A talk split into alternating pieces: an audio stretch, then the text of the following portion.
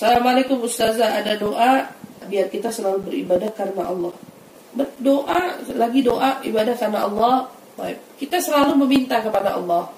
Di dalam doa kita, di dalam ibadah kita, kita tujuannya hanya semata-mata karena Allah. Doanya banyak, bisa dipakai doa-doa seperti yang saya ajarkan beberapa kajian yang lalu. Di antaranya Allahumma inni ala dzikrik wa syukrik wa husni ibadatik.